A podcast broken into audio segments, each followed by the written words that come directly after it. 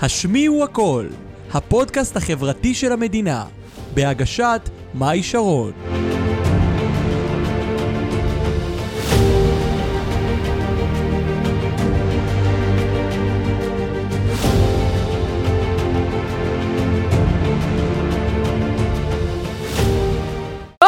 ברוכים הבאים לפרק 92 של הפודקאסט החברתי הרשמי והראשון של המדינה. השמיעו הכל, שמי מאי שרון המנחה הגבוהה של הפודקאסט, איזה כיף שאתם איתנו, צופים ומאזינים. והיום בפרק אני מארחת את דור חסן. שלום. זה היה הכי, השם משפחה הכי קל שהיה לי ever. כן, זה הכי אני- קל. הכי קל. בסדר, שמי, הוא עשה לי בעיות כל החיים, אז לפחות כן? הפעם אה, מישהו בא ואומר שזה קל לו. אז פרגנתי כאילו- לך. כן, אה, מה שלומך? ברוך השם. איך הייתה הנסיעה? חוץ מהאלרגיות, אני בסדר גמור. איזה אלרגיות? יש אלרגיות בתקופה הזאת של השנה, אנחנו בעונות מעבר. את אל- אלרגנית? כן. אה, גם את לתקופת מעבר, אני גם יש לי את זה. וואו, זוועה של איך זה החיים. מתבטא אצלך? אה, קודם כל, אני לא נושמת, מאף, כן? אני אה. כאילו...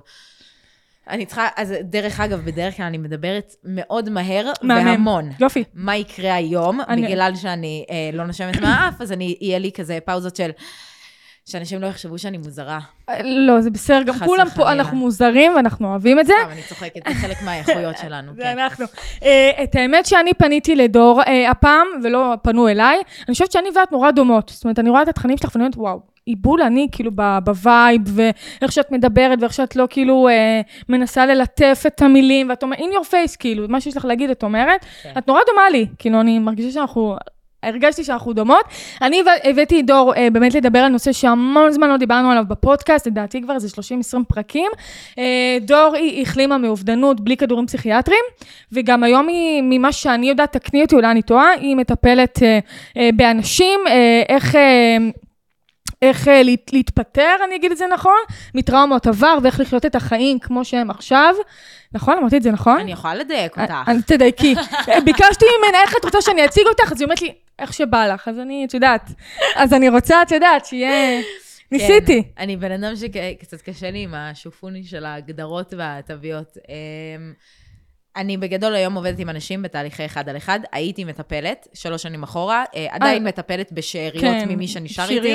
כבר לא מקבלת לקוחות חדשים. מה שאני עושה היום זה בעיקר מלמדת. מהמם. את העקרונות שבעצם הייתי מעבירה בטיפולים שלי, אני מלמדת היום. אה, אני למדתי המון קונספטים של טיפול, עבודה עם טראומות, אה, כן. עבודה עם מחלות אפילו, אה, ופשוט משמשתי את הכל למעין שיטה כאילו שהיא שלי, כן. אני קוראת לה תהליכי החלמה נפשיים.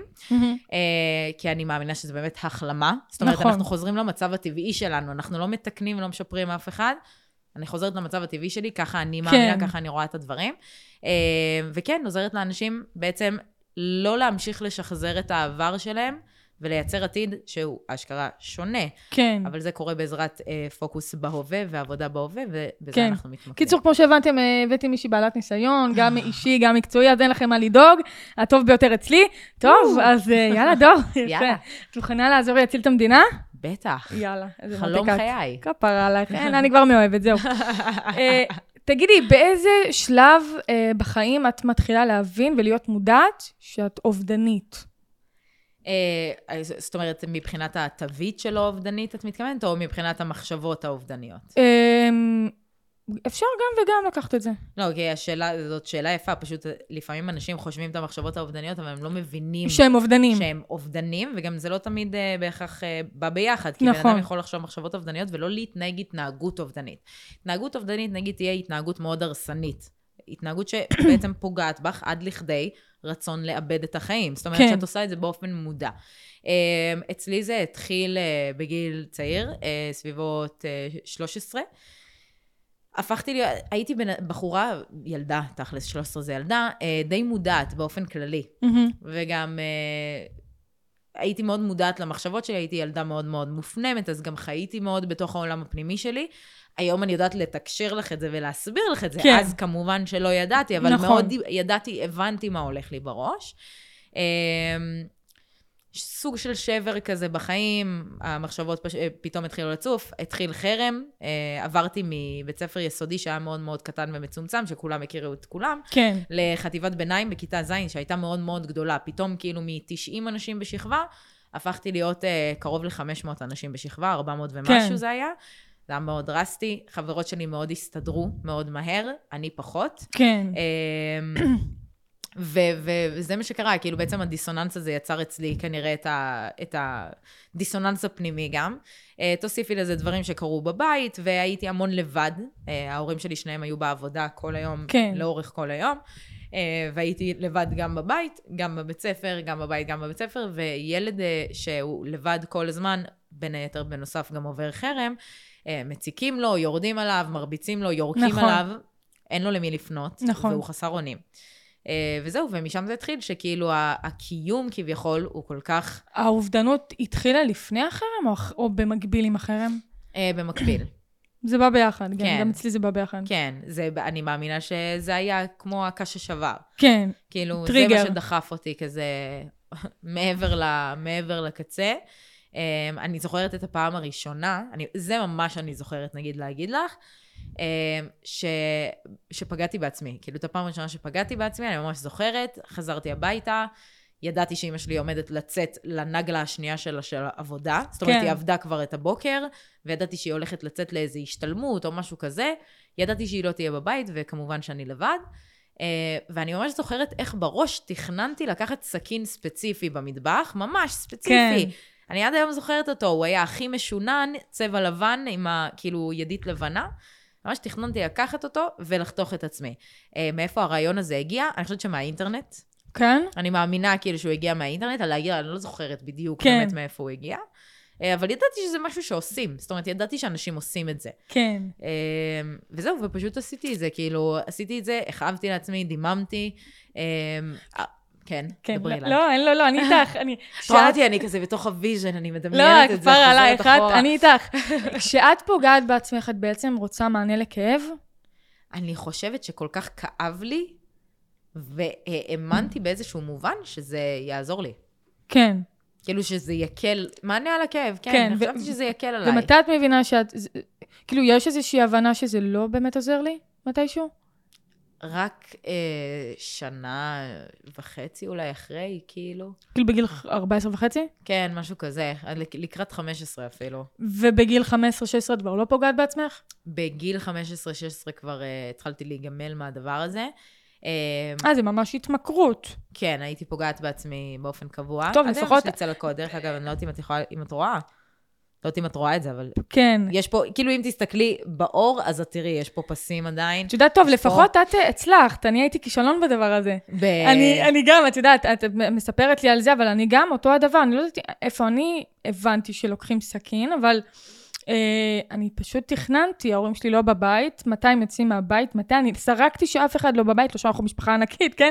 רק אני ואחותי היתומה, ולקחתי את הסכין, ואת יודעת, אני לא הצלחתי, אז אני תמיד ספרתי ח- 10 עד 1, ו- והיה לי קול פנימי שאמר לי שאני אצא מזה ואציל חיים של אנשים אחרים, ופה הייתי מפסיקה. אבל, וכאילו, לא, לא, לא הייתי מסוגלת, אני פיזית חושבת, לפגוע, את פיזית, כן. מתכוונת. זאת אומרת, כן ניסיתי, כן עשיתי מהלכים ודברים, וחשבתי ותכננתי, והייתי מאוד יצירתית עם עצמי, אבל בפועל, גם פה הרגשתי שאני כישלון. כאילו, גם פה את לא מצליחה? איזה, אה, כאילו, איזה כישלון. בואי נגיד אה, כישלון חיובי במקרה כן, הזה, ברור. כן? כן, אז אה, לא זה, אז זה לא היה כישלון חיובי. אני חושבת שאנשים שמצליחים לפגוע בעצמם, אה, הם דווקא... את חושבת שכאילו את האמנת שאת כישלון גם בדבר הזה, אז כאילו זה מה שמנע ממך לעשות את זה. אני רוצה להגיד לך, מפרספקטיבה טיפולית דווקא, מהמם.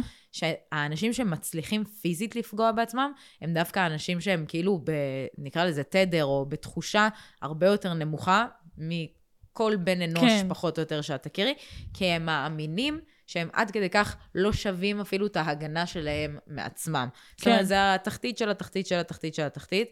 אה, והאמנתי במובן מסוים שמגיע מגיע לי שיכאב לי. הייתי בסוג של האנשה עצמית עם עין. כן, ממש הענשתי את עצמי ושנאתי את עצמי. מן הסתם לא אמרתי, וואי, איך בא לי שיפסיק לכאוב לי, אז אני כן. אחתוך את עצמי כדי שאני ארגיש יותר טוב. לא, אני לא אהבתי את עצמי עד כדי כך, לא אהבתי זה הדין. כן. שנאתי את עצמי, כולם חיזקו את השנאה העצמית הזאת. בגלל גם שלא קיבלתי עזרה או מענה רגשי, אז גם האמנתי שלא מגיע לי גם לקבל מענה רגשי. כן. אה, וזהו, ואז את מתחילה פשוט להתבוסס באמונות האלה ובתחושות האלה, זה לופ שלילי עם עצמו עם השנים. וכמובן, כן, לגמרי. הסתם, כן, חד נכון. משמעית. איזה כיף זה לראות- להכיר מישהו שגם עבר, אה, שמבין את החוויה, את החוויה הזאת. כן, אה, חד משמעית. לפני גיל 12, את זוכרת איזה ילדה היית? אני זוכרת שהייתי אה, ילדה אה, יחסית ביישנית, אבל מצד שני גם מאוד אוהבת את הבמה, אה, שזה גם יצר אצלי הרבה דיסוננסים. יפה, וואי, את ממש דומה לי. הגיוני. יפה. הגיוני. אה. עד היום אני כזאת, דרך אגב, אני כאילו בן אדם מאוד מופנם, אלא אם כן אני צריכה להופיע. כשאני מופיעה, אני כבר יוצא ממני דמות אחרת, כשאני מדברת מול כיתה ודברים כאלה, זה דמות אחרת לגמרי. אה, ככה למדתי, כאילו, סוג של משחק, אני שחקנית לכל דבר ועניין. למדת? לא למדתי, בחיים. קטע. אה, אבל כשהייתי צריכה ללכת לבית ספר כל בוקר, ולהעמיד פנים שאני סבבה, כדי כן. שלא להראות חולשה, כדי שלא ימשיכו להתעלל בי, אה, אז הייתי צריכה לעטות חיוך על הפנים, וכאילו, את יודעת, להראות איזשהו סוג של פאסון. תמיד היו צוחקים עליי שאני הולכת עם האף למעלה. הייתי הולכת כאילו עם האף למעלה, חזה נפוח, ו- מתנשאת. ממש, בכוונה. כן. אה, והיו חושבים שאני סנובית, כאילו, לא הייתי סנובית, אני הייתי שבורה מבפנים, אבל כאילו זאת הייתה הדרך שלי להראות, כאילו, "אה, אתם לא יכולים עליי, כאילו, אל כן. תתקרבו אליי. זאת הייתה הדרך. אז למדתי להיות שחקנית בחיים האמיתיים. עד היום זה תקף, כן? אני אחזור הביתה, תראי אותי, אני כאילו... אני בשקט, אני מופנמת עם עצמי, אני כאילו, אני לא איזה רעש וצלצול. רואים עלייך שאת יותר מופנמת, לא כולם מזהים את זה. כן? כן, כי אם נגיד היה פה הרבה אנשים, אז הייתי כאילו, את יודעת, הייתי האמצע, כאילו הייתי כן. מדברת עם כולם, כולם היו שומעים אותי. אז אה, Mm. זה מתעתע. מתת- איך. הגענו לזה? את שאלת אותי שאלה בכלל. נכון, לא, אבל בסדר, נתתי את התשובה, אני איתך, אני זורמת איתך, אני אני סבבה, אני אל תדאגי. אה, אה, שאלת על הילדה שהייתי. נכון. עכשיו אני נזכרת. עכשיו אני נזכרת. כן, אבל דרך אגב, אני חושבת שעוד לפני החרם לא, לא עפתי על עצמי. כן, הייתי פחות, כאילו הרגשתי פחות יפה משאר הבנות שגדלתי איתן. אה, הרגשתי שאני נראית כמו ילד. כאילו הייתי ילדה, והרגשתי שאני נראית כמו ילד. כמו בן כאילו? כן, הרגשתי שאני נראית כמו בן. אימא'לה, אנחנו בול אותו דבר, שמאללה. הגיוני, כן. כן, הגיוני, אני לא יודעת. ברור, ברור. שמעי, זה הגיוני, כאילו, את יודעת, שחוויות אה, דומות. מאוד דומות. מעצבות אנשים שבסוף נפגשים ביחד ממש. אה, בחיים. לא, לא, אבל. זה כאילו מאץ' טוב, כן. מאץ' אה. לגמרי. אז כן, מאוד הרגשתי כמו גבר, כאילו גבר, כמו זכר. הם לא גברים. טומבוי, פעם היו אומרים. אני עד היום טומבוי. כן? אני, גם אין לי בעיה עם הטומבויות שלי, פשוט אה, אני עד היום, יש בי גם המון כאילו מין האנרגיה הזכרית זכרית, יותר, זה כן. קיים אצלי חד משמעית, אבל אה, למדתי כבר לעבוד עם זה, זה כבר וואי, זה נושא אחר. זה לפודקאסט לגמרי. אחר, את אומרת. לגמרי. לא ניכנס לזה. נתראה בהמשך. בדיוק. אה, תגידי, איך, אה, מה זה מצב של ביטול עצמי? ממה זה מתחיל ולאיפה זה יכול להידרדר? אז uh, בגדול, ב, גם בתהליך שלי שאני זיקקתי את זה, uh, אני מאוד אוהבת לחקור. מהמם. אני בגיל 14, פחות או יותר, מתי שהתחילה האובדנות, 13, 14, משהו כזה, uh, היה לי גם אקס ראשון, אקס, כאילו, דאז בן זוג. כן. אני יודעת שזה גיל מאוד מאוד צעיר להגיד בן זוג, אבל הוא היה, היינו בני זוג, כאילו, כן. הוא היה החבר שלי דאז, um, שהוסיף מאוד להתעללות הרגשית שלי. אה, דאז חשבתי שהוא מציל אותי, אבל הערך העצמי כן. שלי היה מאוד מאוד נמוך. הוא לא הציל אותי, הוא החמיר את המצב. כמובן ששוב, זאת הייתה... אני יצרתי את כל הסיטואציה הזאת, בטח עוד אה, תשאלי אותי על זה ונדבר על זה. אבל אה, שם בעצם, כאילו, בואי נגיד, כל ה... בזוגיות את מקבלת הרבה פעמים שיקופים לאיך את מתנהגת לעצמך. נכון. כי איך שהבן אדם השני יתנהג אלייך, זה כאילו סוג של ממש מראה. מראה לאיך את מתנהגת הנושא. האהוב כן, עליי. בול. באמת, זה נושא מהמם, חד משמעית. אמ, אז שם קיבלתי את השיקוף הראשון לבאמת איך אני מתייחסת לעצמי. עוד לא הבנתי את זה אז, כן? אבל כן. ראיתי שמתנהגים אליי כמו חרא. ואז התחלתי לחקור בעצם למה אנשים עושים את מה שהם עושים. מאוד עניין אותי, כאילו... שאלה קטנה. כן. את הבנת שאת מתנהגת לעצמך כמו חרא? אה, היית מודעת ל- למה שאת עושה לעצמך? לא ידעתי את זה במובן השלילי של הדבר. זאת אומרת, לא אמרתי, וואי, אני מתנהגת לעצמי כמו חרא, אני צריכה להפסיק. אני פשוט האמנתי באמת שאני חרא, אז אני מתנהגת לעצמי כמו חרא, את. מבינה? כן. לא בקטע של אה, ביטוי אה, עכשיו של, אה, טוב, אני צריכה לעשות איזושהי סוג של עבודה, זה לא בסדר. פשוט האמנתי שאני, כאילו, זאת אומרת, לא... זבל, כן, כאילו, הבנתי. באמת, זבל אנושי, כאילו, באמת, לא מגיע לי להתקיים. זאת אומרת, זה- זה לא היה לך- נראה לך חריג מה שאת עושה לעצמך. לא. זה היה נראה חריג מה שהוא עושה לי, ופה... היה נראה לי חריג, מה ש- בדיוק, כן. אני חושבת, כאילו, אני מרגישה, את יודעת, אני גם בן אדם רוחני, לא תמיד זה נשמע ככה, אני בן אדם רוחני מאוד. אני מאוד מאמינה שהוא היה שם כדי לשקף לי את זה, שכאילו, שומעת? תתאפסי על עצמך, כאילו, כן. של כאילו, תקבלי עכשיו את הפרספקטיבה של איך את מתנהגת לעצמך מבן אדם אחר, בדיוק. פתאום זה יראה לך שגוי. נכון. כי כשאת עושה את זה לעצמך, אז זה אני, בסדר. אני האמנתי שמגיע לי באמת. כן. אה, והוא זאת אומרת, בגלל שהוא עשה את זה, אז פתאום התחלתי להבין או להאמין שזה שגוי.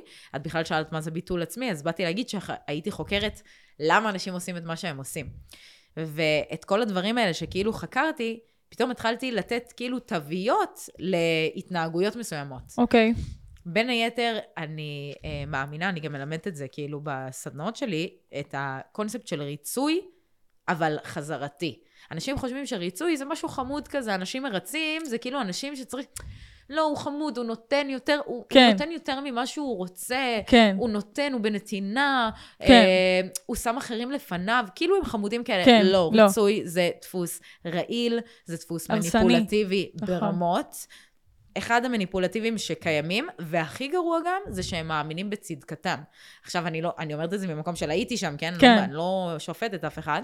ביטול אה, עצמי זה רק ריצוי? בדיוק, באתי להגיד לך, ביטול עצמי זה ריצוי בחזרתיות. אוקיי. זאת אומרת שאני מגיעה למצב שאני מרצה כבר כקונספט, מהמם. כאילו ברמת הזהות שלי, אני בן אדם מרצה, אז כן, ביטלתי את עצמי, כי הרי מה זה נכון. ריצוי?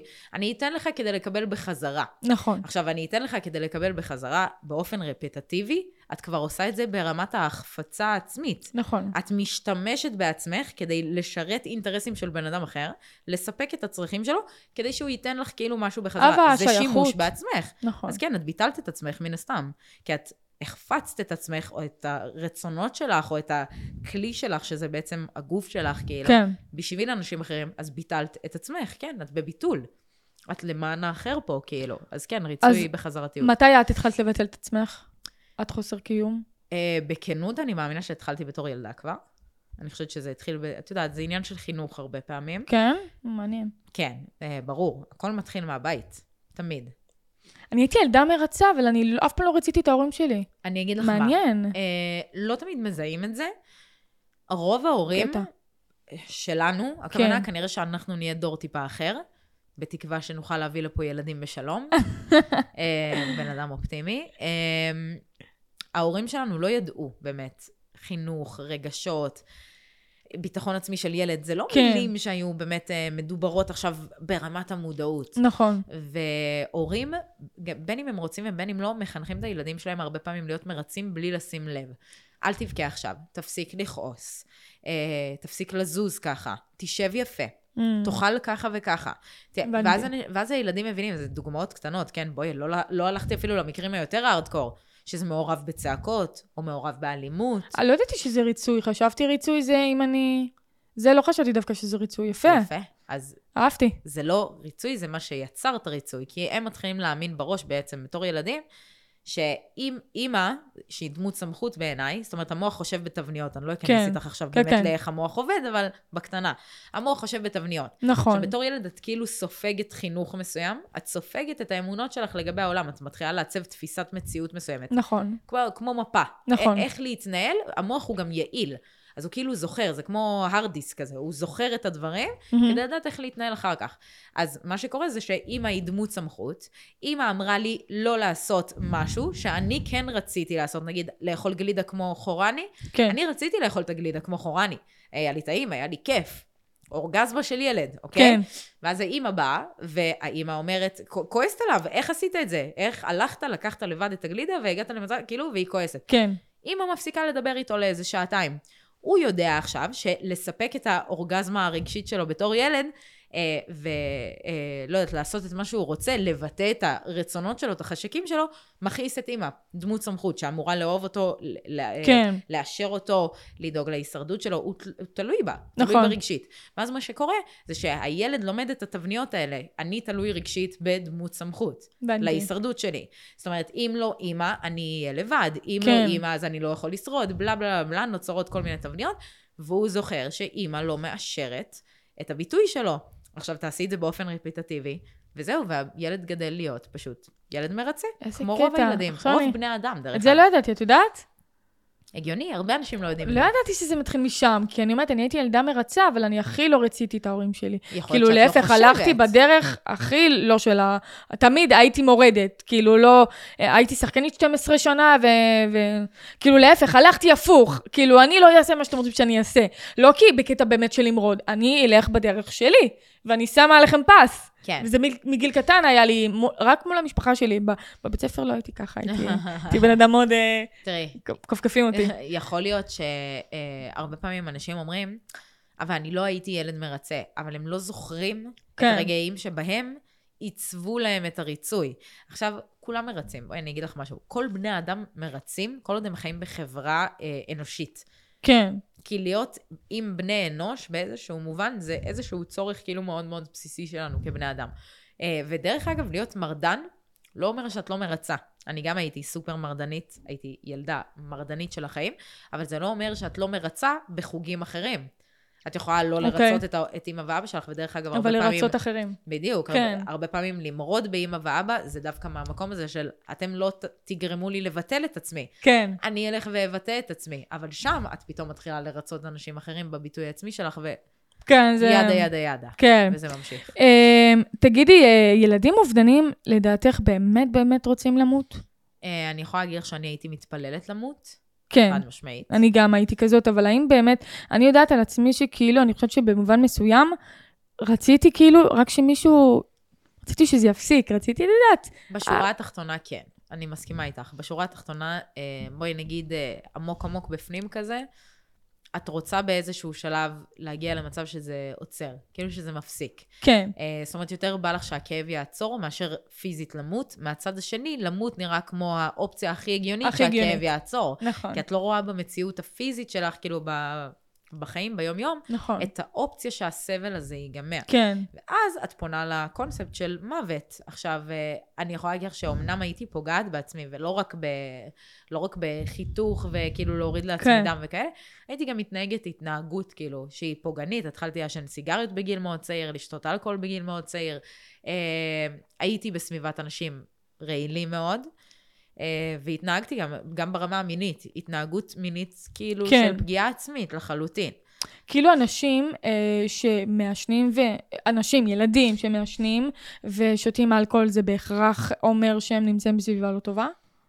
אני, תראי, לדעתך? בתור בן אדם בוגר, כן. אמ, שהיה שם, אני יכולה להגיד לך שילד שמרגיש את הצורך לעשן, סלש, לשתות אלכוהול בגיל צעיר, זה ילד שבורח. נכון, זה ילד בריחה. שבורח הרבה פעמים. אני מכירה בנות שלא עשו את זה. אה, או עשו את זה מחמת הגיל, את יודעת, כן, מגיעים לחץ לאיזה גיל חברתי. מסוים שכולם פשוט עושים את זה, נכון. ואז מתנסים, שזה סבבה, הכל טוב. נכון, אה, חוקי, מה שנקרא. אבל כשהילד עושה את זה, אה, בואי נגיד צריך להסתכל על האנשים שהוא מבלה איתם. אם הוא מעדכן את ההורים שלהם, וזה עם החברים הטובים שלו, שגם ככה עוברים בבית, וכאילו בבית של ההורים, ההורים מכירים את החברים כן. האלה, וידה ידה ידה, אז כן, אפשר לקחת את זה כריזיקה של טוב, זה הגיל, כאילו. כן. חלק מההתפתחות. אבל כשזה נעשה בשושו, סתם לצורך העניין, המסיבה הראשונה שיצאתי אליה הייתה בגיל 15, אמרתי לאבא שלי אה, שאני נוסעת כל לישון הכבוד על בקדימה. האומץ. עשיתי דברים יותר גרועים, תאמיני לי. אה, אמרתי שאני הולכת לישון בקדימה, שזה מושב אה, כן, ליד איפה צורן. שגרתי, כן. כן. אה, באמת ירדתי כאילו בבית של החברה, ומשם לקחנו אוטובוס לירושלים. אנחנו נסענו לירושלים והייתי בת 15, את מבינה? אז וואו. כאילו, אני חננה בעולם, גם בגיל הזה אני חננה. כן, את מבינה? זאת, זאת מרדנות. לא, לא, לא הייתי ברמה הזאת. יפה. אה, תגידי, האם את חושבת שיש הבדל בין ילד שיש לו מחשבות אובדניות לבין ילד שאשכרה מנסה להתאבד? יש הבדל ביניהם? כן, זאת סקאלה. אוקיי. זאת אומרת, ילד שמתחיל להרהר במחשבות אובדניות, מהמם. באיזשהו מובן, אני מאמינה שזה ילד שהתחיל לחשוב על משמעות הקיום שלו.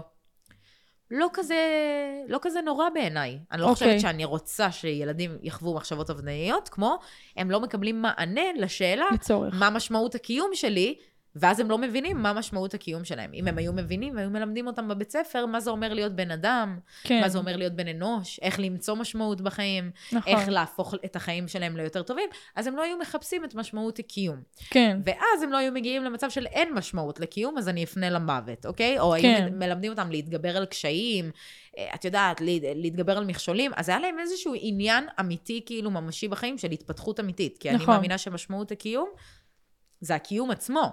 וזה בא ממישהי שמאוד נאבקה כאילו עם השאלה. זאת אומרת, הקיום עצמו, ההתפתחות פה על כדור הארץ בתור בן אדם. ואני לא אכנס איתך למה אנחנו ואיזה יצורים אנחנו, ואם זה רוחני וזה, לא, לא, זה, לא, אנחנו לא בפרק זה לא הנכון. הפודקאסט הזה, אבל uh, אם היו נותנים לילדים קצת יותר, את יודעת, פלפל בחיים, אבל פלפל אמיתי, שהם באמת ייהנו ממנו, אני לא חושבת שהם היו מחפשים כאילו את המקום הזה. אז זה יכול להיות בריא, במרכאות. כן.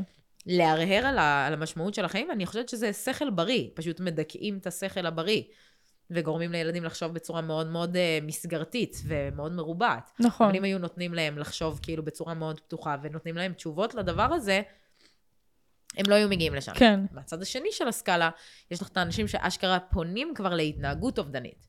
אז יש מחשבות אובדניות ויש התנהגות אובדנית. ברגע שזה כבר מגיע לרמת ההתנהגות, אז בן אדם כבר פועל בכדי לפגוע בעצמו. כן. כשהוא כבר פועל בכדי לפגוע בעצמו, גם שם יש סקאלה. זאת אומרת, הוא יכול לפגוע בעצמו.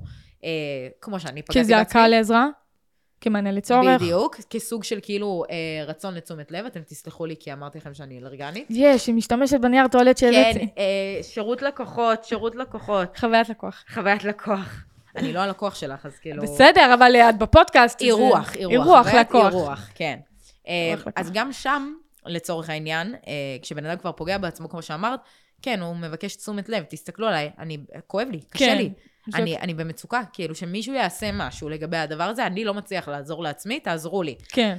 וכשזה לא קורה, כשהוא לא מקבל עזרה, כי תמיד יש אותות לפני התאבדות. תמיד. אין מצב, לא יכול להיות שלא. לא יכול להיות מ-0 ל-100, אין מצב.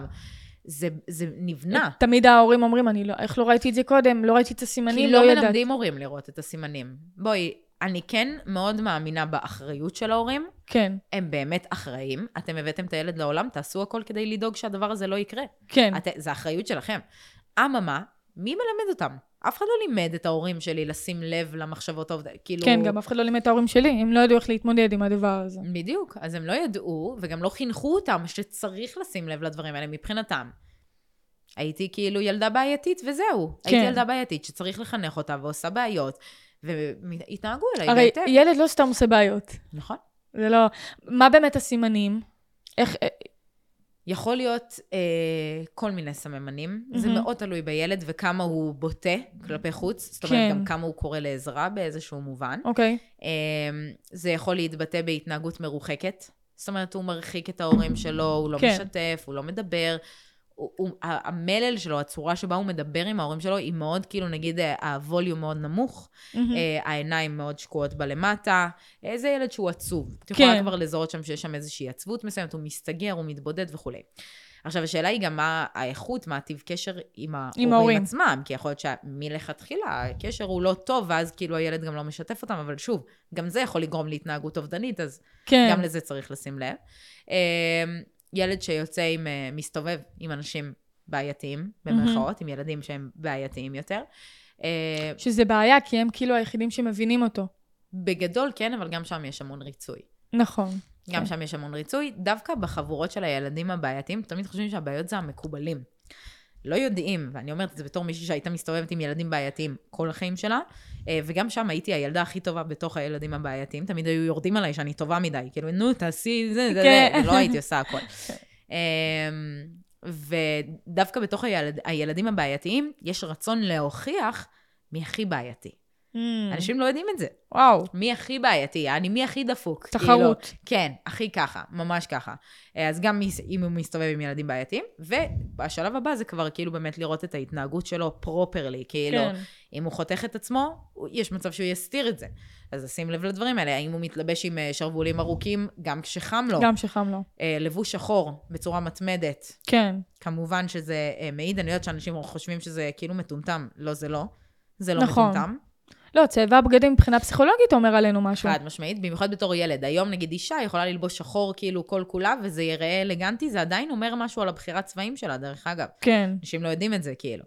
אמ, אז גם זה, אה, ובעיקר הייתי אומרת כאילו שזה לא מספיק לזהות את הסממנים. אה, ילד שמתפרץ, התפרצויות זעם, מאוד Mm, קריטי. וואי, כמה היו לי התפרצויות זעם. גם לי, אה, ולקחו אותי לאבחון בגלל זה, וזה ממש לא עזר. אה, ילד עם הפרעות קשב, במרכאות, במרכאות. או מדברים על זה שיש לו הפרעות קשב, נגיד המורים. כן. היא מציירת כל השיעור, או הוא מפריע בשיעור, הוא יוצא באמצע השיעור, הוא לא מגיע לשיעור. ילד עם הפרעות קשב, אולי תשקלו לתת לו רטלין, בלה בלה בלה. כן. יש מצב שיש שם מחשבות אובדניות ברקע, יש מצב, אני לא אומרת שכולם שהם כן, כאלה כן. הם כאלה. אבל זה יכול להיות סממן. זה אמור להיות כמה דברים ביחד, לא רק קשב וריכוז. כמובן, מן כן, הסתם. זה ואת לא- יודעת, יש את הדברים המאוד בוהקים, שזה כבר, הוא כותב את זה במקומות מסוימים. הוא מבטא את זה במלל, וואי, איך בא לי למות. אז זהו, אז רציתי באמת לשאול אותך, מספיק פעם אחת שילד אומר לאמא שלו, אמא, אין לי כוח לחיים, בא לי למות, זה השלב לפעול? או בטח. שזה גם... אה, או ש... ברור. כי הרבה ש... ההור- ההורים שואלים אותי, אה, שהם לא לקוחות שלי, מאיה, הילד אמר לי שהוא, אה, לא יודעת, אין לו כוח, הוא מיואש, הוא מתייאש, אין לי כוח, אני רוצה למות, אבל הוא לא, אבל אני לא יודעת אם זה, לקחת את זה ברצינות או לא. קודם כל, זה מצחיק שהם שואלים את זה, אה? כן, זה אני שואלת. חשוב uh, להבין שברמת הדפוסים השפתיים. כאילו השפה, אנחנו לא אומרים שום דבר שאנחנו לא מתכוונים אליו מילולית. כן, לפעמים ילד לא מבין את המשמעות הכבדה נכון. של המלל שלו. זה לא אומר שהוא לא מתכוון אליה. וואי, בא לי למות, בא לי להפסיק להתקיים כרגע, כי אין לי כוח לחיים. כן. כן, יש מצב שמבוגר יסתכל על זה ויגיד, בא לו להפסיק להתקיים. יש מצב שהילד פשוט אומר, וואי, בא לי להפסיק להתקיים. הוא לא חושב על המשמעות. וההשלכות והטה אז, אז בגלל זה אני שואלת. כן, אז קודם כל לקחת את זה ברצינות, חד משמעית, בטח, ברור שלקחת את זה ברצינות, כי אה, קודם כל בואי נתחיל מזה שילד לא אמור לדבר ככה. אף נכון. אחד לא אמור לדבר ככה, let along כאילו ילד, כן. בטח שלא ילדים, שהם בשלב ההתפתחותי שלהם וכולי וכולי, וכן, גם עם ההורמונים של גיל ההתבגרות, שכולם אומרים, את מתבגרת, זה, זה ההורמונים, זה זה, זה בדיוק השלב שבו האופי של הילד מתעצב. נכון. שם הוא צריך לקבל הכי הרבה עזרה והכי הרבה הדרכה. פתאום מתחילות להתעורר לו אה, מחשבות מסוימות על הקיום, הוא מסתכל על העולם והוא מתחיל לבקר את העולם, והוא מתחיל נכון. להגיד, מה נתנו לי עד היום, אני לא רוצה את זה יותר, אני רוצה משהו אחר, וטי-טי-טי. נכון. זה השלב הכי מתסכל בחיים של בן אדם, כי גם אין לו את היכולת לא להיות תלותי באופן אה, גמור מהמסגרות בחיים שלו. הוא עדיין לא, לא עצמאי, הוא עדיין לא בן אדם עצמאי, נכון. אה, והוא עדיין תלותי. זאת אומרת, הוא עדיין צריך את העזרה של ההורים שלו. עכשיו, את שואלת כאילו מתי השלב הראשון, הנכון להתערב, ואני מבינה את השאלה, אבל אני רוצה להגיד שהשלב הנכון להתערב במרכאות, זה כשאתם מביאים את הילד לעולם. כבר אז אתם אמורים לחנך אותו בצורה מסוימת. כן. זה התפקיד שלכם. אתם בחרתם, אנשים לא מבינים מה זה להביא ילד לעולם, לדעתי. נכון. והם יכולים להגיד לי, את לא אימא, את לא זה. אתם לא מבינים. כן. להביא ילד לעולם, זה יצור חי. חי. כן. זה יצור חי, אמיתי, בשר ודם, שמושפע מכל פיפס שאתם תעשו. מכל פיפס שאתם תעשו, אתם אחראים על החיים שלו. יהיה לו טוב, רע, קשה, קל יותר, יהיה לו, יכילו אותו, לא יכילו זה אותו. התפקיד שלהם. שלכם, לגמרי. כן. מי יעשה את זה אם לא אתם? אז השלב הנכון להתחיל במרכאות זה בהתחלה, ודרך אגב, ילד שבונים לו את הביטחון העצמי בבית, אני בספק אם הוא יגיע הוא יגיע למצב הזה. אובדניות. נכון. בספק, כאילו. לצערי יש כל כך הרבה ילדים שיש להם מחשבות. עוד לא עושים. אתמול שמעתי על ילד שהתאבד, מ- עם, עם, עם, לא מדברים על זה, אבל שמעתי על זה במקרה מקולגה, שהרי בגלל המלחמה יש הרבה הורים שיש להם נשקים. לקח את הנשק, בום, ירה לעצמו ב... וואו. אז אה, קשוח מאוד. גם המלחמה הזאת הביאה איתה דברים לא, לא כל כך טובים. בוודאות, ברור. כן. אה, תגידי, יש לך... לא, לפני. כדי להחלים מאובדנות, אה, מה לדעתך צריך להבין? כאילו, ילד, כאילו, איך אפשר לעזור אם אני עכשיו אימא ויש לי ילד אובדני? איך אני יכולה לרתום אותו ולהוציא אותו מהדבר הזה? האם הוא באמת רוצה לצאת מזה? זאת אומרת, מה, מה צריך לעשות? גם, גם מהפן של הילד וגם מהפן של ההורים. אוקיי, אז קודם כל להבין שברמה של הילד, מהמם. כמובן שהילד רוצה לצאת מזה, הוא לא יודע איך. גם אם הוא אומר שהוא לא רוצה לצאת מזה, זה כי כל כך קשה לו, כן, כל כך כואב לו, שפשוט הוא מוצא את ה... אה, מה שנקרא את הנחמה בלא לצאת מזה. הנחמה שלו זה במקום השחור הזה, אבל זה לא כי הוא לא רוצה. ברור שבן אדם היה מעדיף לחיות את החיים שלו באהבה, בשמחה, ברצון, בלקום בבוקר עם תשוקה, ברור. כאילו, נכון. מי לא היה מעדיף את זה. אמ, אז זה מן הסתם אומרים, אנשים כאילו אוהבים להתמסכן וזה, זה נכון, אנשים באמת יותר נוח להם שם. השאלה היא למה? כן. למה זה יותר נוח להם? כי לא לימדו אותם איך לשמוח, לא לימדו אותם איך ליהנות מהחיים, לא לימדו אותם איך לקום בבוקר עם פשן. כי מי נתן למישהו סיבות בכלל לחיות ככה? כל החיים הגדירו לנו מסגרות מסוימות. נכון, תעבדו בצורה מסוימת, תבטלו את עצמכם. אמרתי לך, אפילו הורים עושים את זה בלי לשים לב. נכון. אז למה שבן אדם יחיה, ירצה, סליחה, לחיות? למה? כאילו, הוא, הוא חי בביטול עצמי. מה יכול להיות יותר גרוע מזה? בעיניי זה הדבר הכי גרוע שיכול להיות. אמ, אז ברמת הקונספט, קודם כל להבין מה זה אובדנות. זה הרצון להפסיק, להתחדל בעצם, לחדול את הקיום. נכון. ואמרתי לך, זה קורה הרבה פעמים, לרוב, לפחות מהמחקר שאני עשיתי במשך uh, כמה שנים טובות, שאני אומרת כמה שנים טובות, זה עשור כאילו, um, זה קורה בגלל שאני לא מוצאת משמעות לקיום שלי. זאת אומרת, אבל איך אפשר, מה, מה זה משמעות? משמעות זה גם מילה מאוד מאוד גדולה. יפה. Yes. טוב ששאלת. אז אה, אני יכולה להגיד לך שברגרסיה האחרונה שחוויתי, שדרך אגב הייתה לא מזמן, היא הייתה במרץ מה האחרון. זה רגר... רגרסיה? רגרסיה זה בעצם אומר שבן אדם התפתח מהמם. נפשית, בסדר? מהמם. הנפש שלו עברה שלבי התפתחות מסוימים, אבל הוא מתמודד כרגע עם סוג של משבר מסוים, שהשלב ההתפתחותי הנוכחי בנפש שלו לא מצליח להתעמת עם המשבר כרגע, אוקיי. אז בעצם יש סוג של רגרסיה, זה כאילו הולך אחורה, הולך אחורה. אה, אוקיי. למקום האחרון שבו הנפש הרגישה ביטחון להתמודד עם משבר מהסוג הזה. אוקיי. עכשיו, אני, את הרגרסיה האחרונה שלי בכל מה שקשור למחשבות האובדניות וההתנהגות האובדנית, אה, חוויתי במרץ האחרון. מהמם. לא כזה מזמן. כן. אה, להגיד לך בכנות, אני לא יכולה לדעת האם זה יקרה פעם נוספת או לא, כי אני לא אה, מגדת עתידות, לפעמים כן, אבל אה, בקטע הזה לא יודעת. אני רוצה להגיד לך שאני מאמינה שזה לא יקרה שוב, כי אני מאמינה שאני עליתי על ה...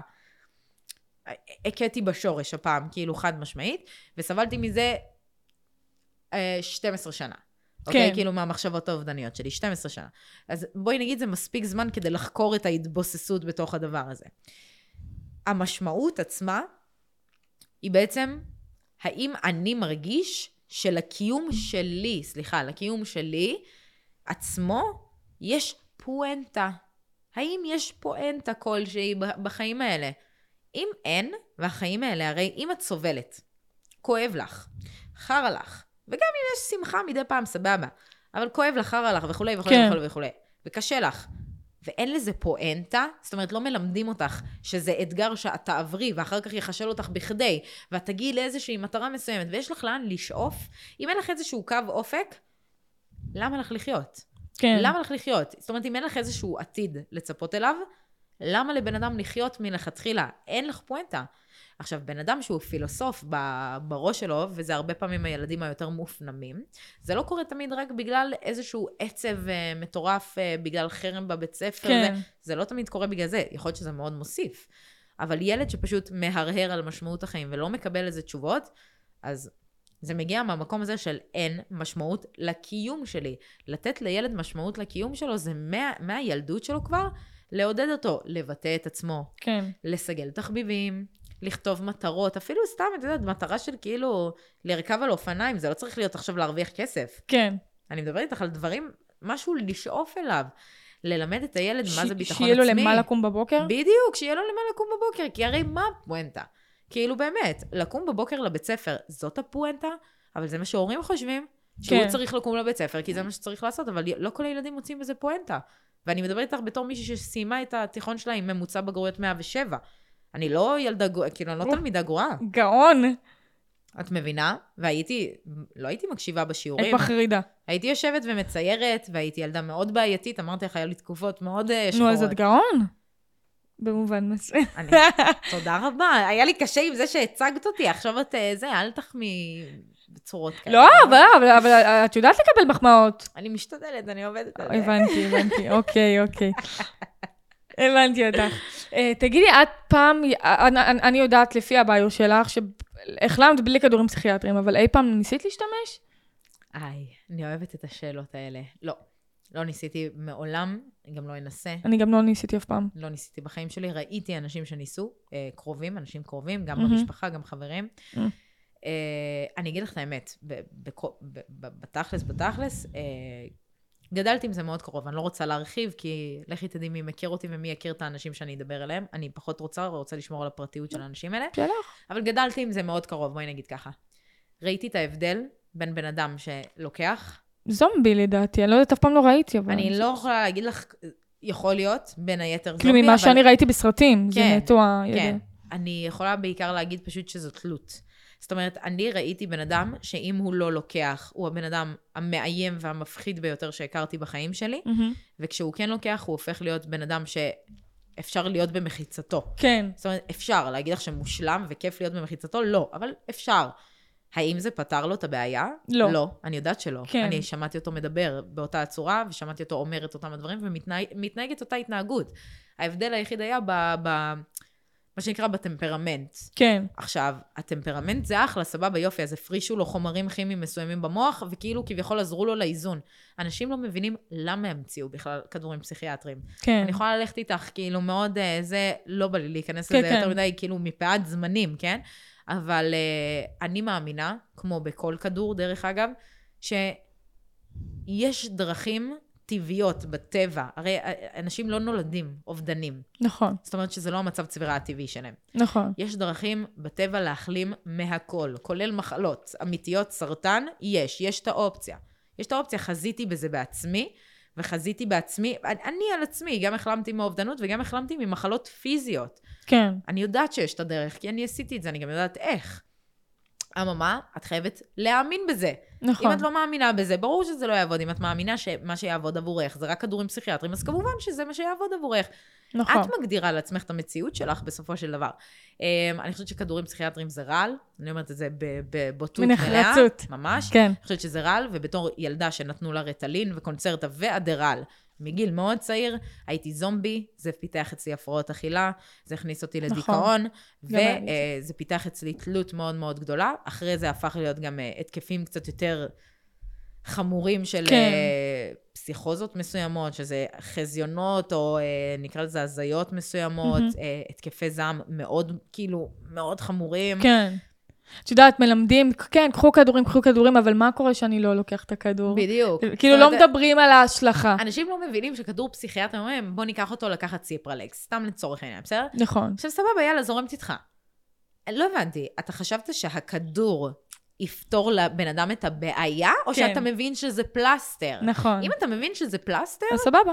תעשה מה שאתה רוצה. אני, קטונתי, אני לא אוהבת אה, כן. פלסטרים, אני אוהבת ל- to face the problem, כאילו, כן. זאת אני אבל.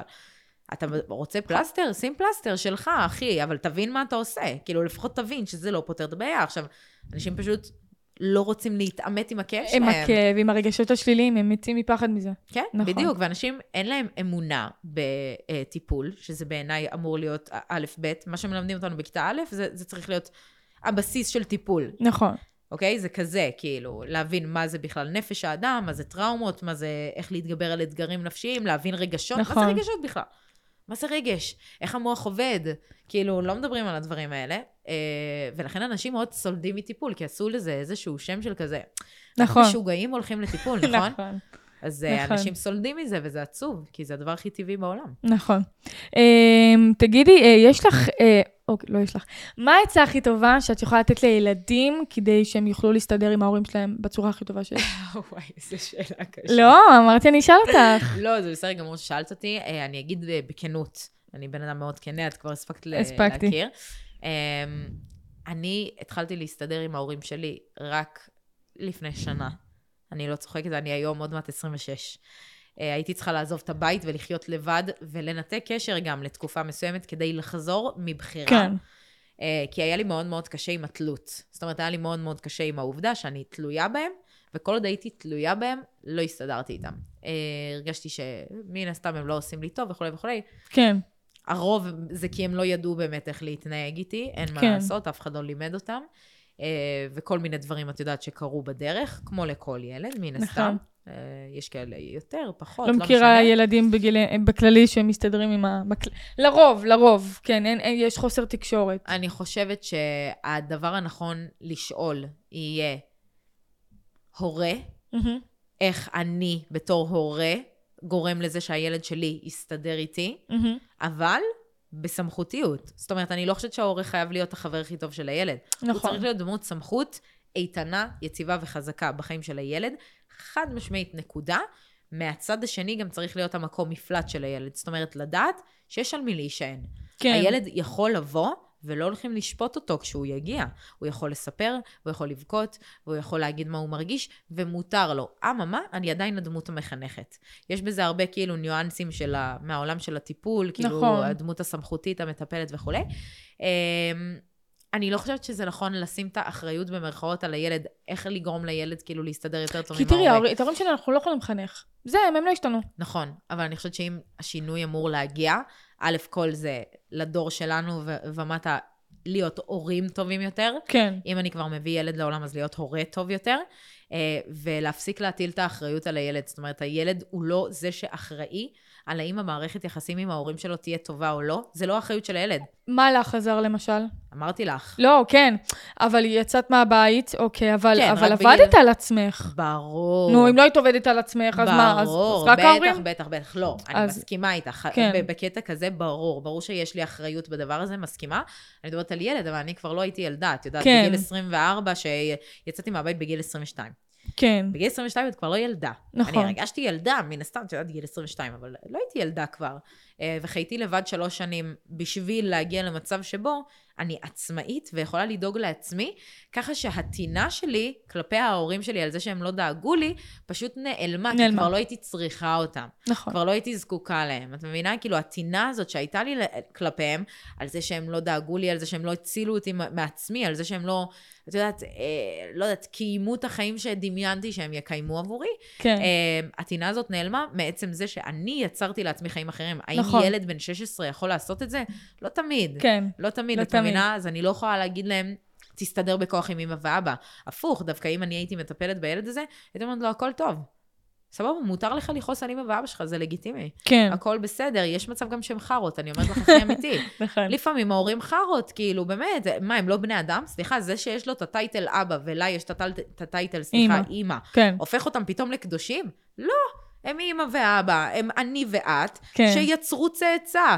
זה הופך אותי לבן אדם יותר טוב? ממש לא. נכון. אם אני לא אני כ- כדור כן. בן אדם טוב, אז גם כאימא, נכון. אותו חרא, same shit. אז נכון. אני לא יכולה להאשים את הילד. כן, אה, אממה, אני כן יכולה להמליץ לילד לא להסתדר עם ההורים שלו, אלא להתחיל לדאוג לעצמו. עצמו. מגיל צעיר. זאת אומרת, לא לבטל את התלות בהורים באופן אה, אבסולוטי, אלא להתחיל לחלום חלומות משל עצמו בגיל צעיר. להתחיל אה, לבטא את עצמו מגיל צעיר כל עוד הוא יכול, אם זה בציור, אם זה בריקוד, אם זה במשחק, אם זה באופניים, אם זה בסקייטבורד. פחות פורטנייט ודברים כן. כאלה לצורך העניין. זאת אומרת, דברים שבאמת מבטאים כאילו את האנרגיה של הילד. על לצאת החוצה, להסתובב, לעשות משהו עם עצמו, לשבת עם חבר, לדבר, לכתוב. כן, כל העולם תוכן הזה. כל מה שהוא לא קשור באימא ואבא, לעשות בעצמו. בעצמו. אה, ולסגל לעצמו איזשהו אופי. כאילו להתחיל לחקור מי אני. מי אני? מי אני, כן. מי אני רוצה להיות אפילו, זאת שאלה יותר טובה. מי אני רוצה להיות? כי כמו שאת אמרת, שהיה לך את הקול הזה, יום אחד את תעזרי לאנשים, אמרתי לך, אני, גם היה לי, על- כאילו, אני חושבת שזה הנקודת ממשק כאילו הכי חזקה. כן, גם לי היה את הקול הזה, תמיד ידעתי את זה, אבל כשאת בגיל 13 ואת חווה מחשבות אובדניות, להאמין שיום יגיע ואת תעזרי לאנשים, ומשם ועד אשכרה להגיע, זה המון זמן. אבל זה עזר לך לשרוד? ברור, זה הדבר היחיד שעזר לי שעזר לשרוד. לי. אני יכולה להגיד לך במקומות הכי שחורים שהיו לי, שבאמת, כאילו, אני הרגשתי שאני בגיהנום. באמת, אם כאילו, אם השטן היה על פני האדמה, זה מה. שהרגשתי, שהוא כן. עופף אותי, שהוא סביבי, ככה הרגשתי, כאילו. ו... ושם אמרתי לעצמי, את לא מוותרת. כאילו, לא יכול להיות שאת מוותרת, כי את לא יכולה, צריכים אותך. מי אמר לי את המשפט הזה, מי אמר לי את המילים האלה? אני לא יודעת, אני לא, אני לא יודעת אם זאת הייתי איזה אני. קטע, את יודעת, אני חשבתי שרק לי היה, ש- אני חשבתי שרק אני היחידה בעולם שהיה לה קול פנימי כזה, לא, ו- בטוח שלא. איזה קטע. ברור, לאנשים יש קולות פנימיים כל הזמן. כן, לא אבל סומכים מה זה, יש. לנו משפטים דומים, אחותי. תראי, בסוף הגענו ל- להתעסק בדברים יחסית דומים. יחסית דומים, כן, לגמרי. יחסית דומים, שורה תחתונה. אה, תגידי, איזה משפט או מנטרה מלווה אותך בחיים? וואו, שאלה יפה. כן, שאלה יפה אני- מאוד. תודה רבה. אמ, אני יכולה להגיד לך, יש את הצד המרדני שלי, שזה אף אחד לא יגיד לי ואף אחד לא יקבע לי איך החיים שלי הולכים להיראות, רק אני. כן, אה, שזה כאילו אולי נשמע על הפן השלילי, אבל זה לא, זה יותר על הפן הלוחמני, אפשר כן. לומר. אה, זה מה שעזר לי אף פעם לא לתת לשום תווית, לשום הגדרה, לשום מסגרת, להגיד לי מי אני, מה אני, איך אני וזה. כן. לא, לא, אני קובעת. אתם לא תגידו לי, זה וואי, רק שלי. בול אני. זה רק שלי. אמ, ואני באמת באמת מאמינה, באמת, אני פשוט באמת מאמינה בזה באופן אה, הכי מוחלט שיש, שכל עוד אני שמה את ליבי במשהו, מהמם. הוא אפשרי עבורי, נקודה. לא משנה כמה זמן זה לוקח. אבל אני באמת מאמינה בזה, אני גם הייתי מאוד ילדה שגדלה על... משפטים כאלה של אה, Don't give up, תמשיך לחלום. משפטי אל מוטיבציה. תוותר אף פעם. כן. גדלתי על זה כאילו על דיסני כזה, את יודעת, של כל הג'סטין ביברים, סלינה גומז, שהם תמיד אומרים, תמשיכו לחלום, אתם תגיעו לזה. בסוף אני- זה הפך למשפטי מוטיבציה. אני האמנתי בזה, כאילו, אני אמרתי, אני, אני שם, כאילו. היום שאנשים כותבים לי, את יודעת, כאילו, את מעוררת השראה באינסטגרם ודברים כאלה, אני אומרת, זה דמות, כאילו, אני, לא, אני לפעמים לא מאמינה שזאת אני, נכון. את מבינה? כאילו, זה מוזר לי, מה, אשכרה הגעתי לזה? כאילו, אני הגעתי למקום הזה? אני גם במקום הזה. הזיה, כן. אני לא חושבת שאפשר להתרגל לדבר לא, הזה. באיזשהו מקום גם לא בא לי להתרגל לזה, בסדר. זה חמוד, זה בסדר, זה- אני, לגמרי. אני נשארת אה, עניבה וכיף לי. לגמרי. טוב, דור, איך היה לך פרק? היה לי כיף מאוד. עמדנו בזמנים. כן? לדעתי, כן. ייי. אני על הזמנים, היא נתנה לי זה, אמרתי, אוקיי. נתתי כן, לה כן. דדליין. לא, שתדעי, יכלתי להמשיך אבל לדבר איתך גם עוד איזה כן. וואי, תקשיבי, את האמת, שהבאת פה דברים מעניינים, כאילו, כל הכבוד לי על השאלות, אני מתגאה בעצמי, אבל גיליתי דברים חדשים שלא... איזה כיף. כאילו, זה אימא, זה פתח לי, שאני אשבור את הזה, פתח לי את הראש. אני שמחה. כאילו, גם אליי, גם ללקוחות שלי, אני אז אני... שמחה, אני שמחה. אז הנה, זה אז-. כן. קודם כל, גם גיליתי כמה אנחנו דומות. ממש, ידענו את דומות. זה אבל. כן, אבל כאילו, ממש, אני, כאילו, יש הרבה אנשים שדומים לי, אבל אנחנו ממש, כאילו, אלוהים אמר לי, זאת, זאת את. זאת הגרסה שלך. זה כמו בזוגיות, כן. שאת מקבלת פתאום שיקוף של איך את מתנהגת לעצמך, אז ממש. הכל זה שיקופים בחיים. לגמרי. לגמרי. נושא אחד האהובים עליי. קודם כל, אני רוצה להודות לך שבאת ודיברת. תודה רבה לך שהזמנת אותי. וואי, היא עשתה לי, היא, כמות הביטולים ממנה, אני כאילו... לא נכון, פעם אחת דחיתי אותך. זה לא היה פעמיים, לא יודעת, אני כאילו... פעם אחת, היא סתם אומרת. נכון, זה היה פעם אחת, נכון. פעם אחת, וזה נכון. היה לטובה, נכון, כי רציתי שיהיה לנו זמן. כל הכבוד לך. את האמת שהיא באמת בן אדם מאוד עסוק, והיא הקדישה לנו מזמנה, אז אני רוצה להודות לך, את מה זה מועתק. את, כאילו, את, את בול כמו ברשתות. כן. לא, לא, לא טוב. ראיתי מישהי שהיא דמות, שהיא... זה טוב, כן, כי כן. אני אומרת את זה בקטע חיובי. כן. כי את. עושה את עבודך נאמנה. יש. בסדר. תודה רבה לך. אה, ואני רוצה גם להודות לכם, צופים ומאזינים, שהייתם איתנו בפרק הזה, הקשבתם, האזנתם, פיניתם לנו מזמנכם. ואם גם אתם רוצים לעזור לי להציל חיים וליצור שינוי חברתי, אתם כמובן יותר ממוזמנים לשלוח לי מייל לכתובת האישית שלי, may4282 דור חסן! וואו! תודה. רבה בפעם השנייה. אז הפודקאסט החברתי של המדינה, אנחנו נתראה בפרק הבא.